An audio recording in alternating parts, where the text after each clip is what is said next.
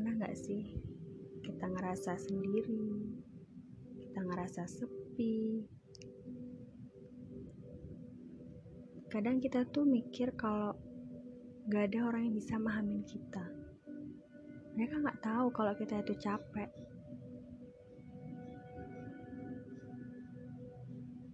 Terkadang pikiran kita sendiri bisa jerumusin kita ke hal-hal yang negatif.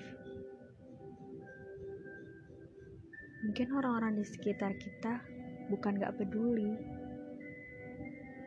bukan gak bisa memahami kita, tapi kita yang gak kasih mereka waktu buat bisa memahami kita.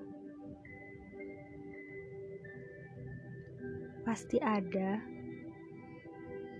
satu atau dua atau bahkan banyak orang di sekeliling kita yang bisa memahami kita. Kalau kita ngasih mereka kesempatan. Capek itu wajar. Kalau kamu kalau kita capek istirahat aja.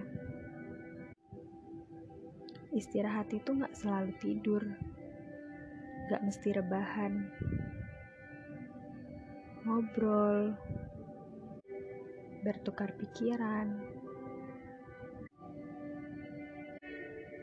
bahkan meskipun cuma nge-replay chat teman, itu udah istirahat.